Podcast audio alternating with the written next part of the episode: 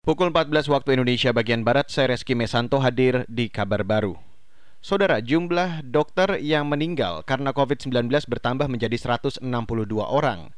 Data ini diungkapkan Ketua Ikatan Dokter Indonesia IDI Jawa Barat, Eka Mulyana.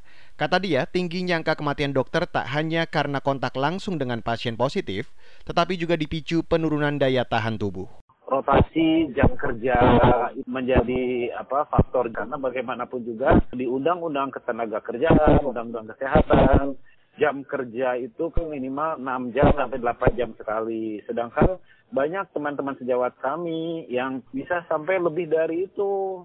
Ketua ID Jawa Barat Eka Mulyana menambahkan jumlah dokter yang meninggal karena COVID-19 paling banyak berasal dari tiga daerah, yakni Jakarta, Jawa Timur, dan Jawa Barat. Eka meminta masyarakat ikut berperan menekan jumlah kasus baru dengan menerapkan protokol kesehatan. Menurutnya, jika kasus baru makin minim, maka beban tenaga kesehatan berkurang sehingga resiko tertular juga ikut turun. Kita beralih ke informasi selanjutnya, Saudara. Pemerintah mengklaim telah menyalurkan 18 triliun rupiah lebih bantuan langsung tunai BLT dana desa. Wakil Menteri Desa, Pembangunan Daerah Tertinggal dan Transmigrasi Ari Setiadi melalui keterangan tertulis mengatakan BLT sudah diberikan kepada 8 juta keluarga penerima. Bantuan tersebut ditujukan untuk meningkatkan daya beli dan mengungkit pertumbuhan ekonomi desa. Selain itu, dana desa juga dialokasikan untuk kegiatan padat karya guna memberi peluang kerja bagi warga desa. Presentase dana desa hingga Oktober ini sudah melampaui 80 persen atau lebih tinggi dari Oktober tahun lalu yang tercatat 60 persen. Saudara, Komite Khusus Persiapan Pencalonan Indonesia sebagai tuan rumah Olimpiade 2032 bakal segera dibentuk. Hal itu diungkapkan Menteri Pemuda dan Olahraga Zainuddin Amali usai rapat terbatas virtual bersama Presiden Joko Widodo dan kementerian terkait.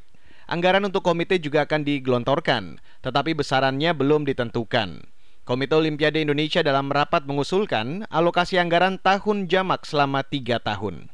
Tetapi yang pasti tadi dari respon Menteri Keuangan, pemerintah menyiapkan dan akan uh, mendukung pembiayaan tentang uh, kampanye dan uh, proses bidding untuk kita bisa menang menjadi tuan rumah Olimpiade 2032 itu dan ditempatkan di tempat kami di Kementerian Pemuda dan Olahraga. Menpora Zainuddin Amali optimis Indonesia bakal terpilih sebagai tuan rumah Olimpiade 2032.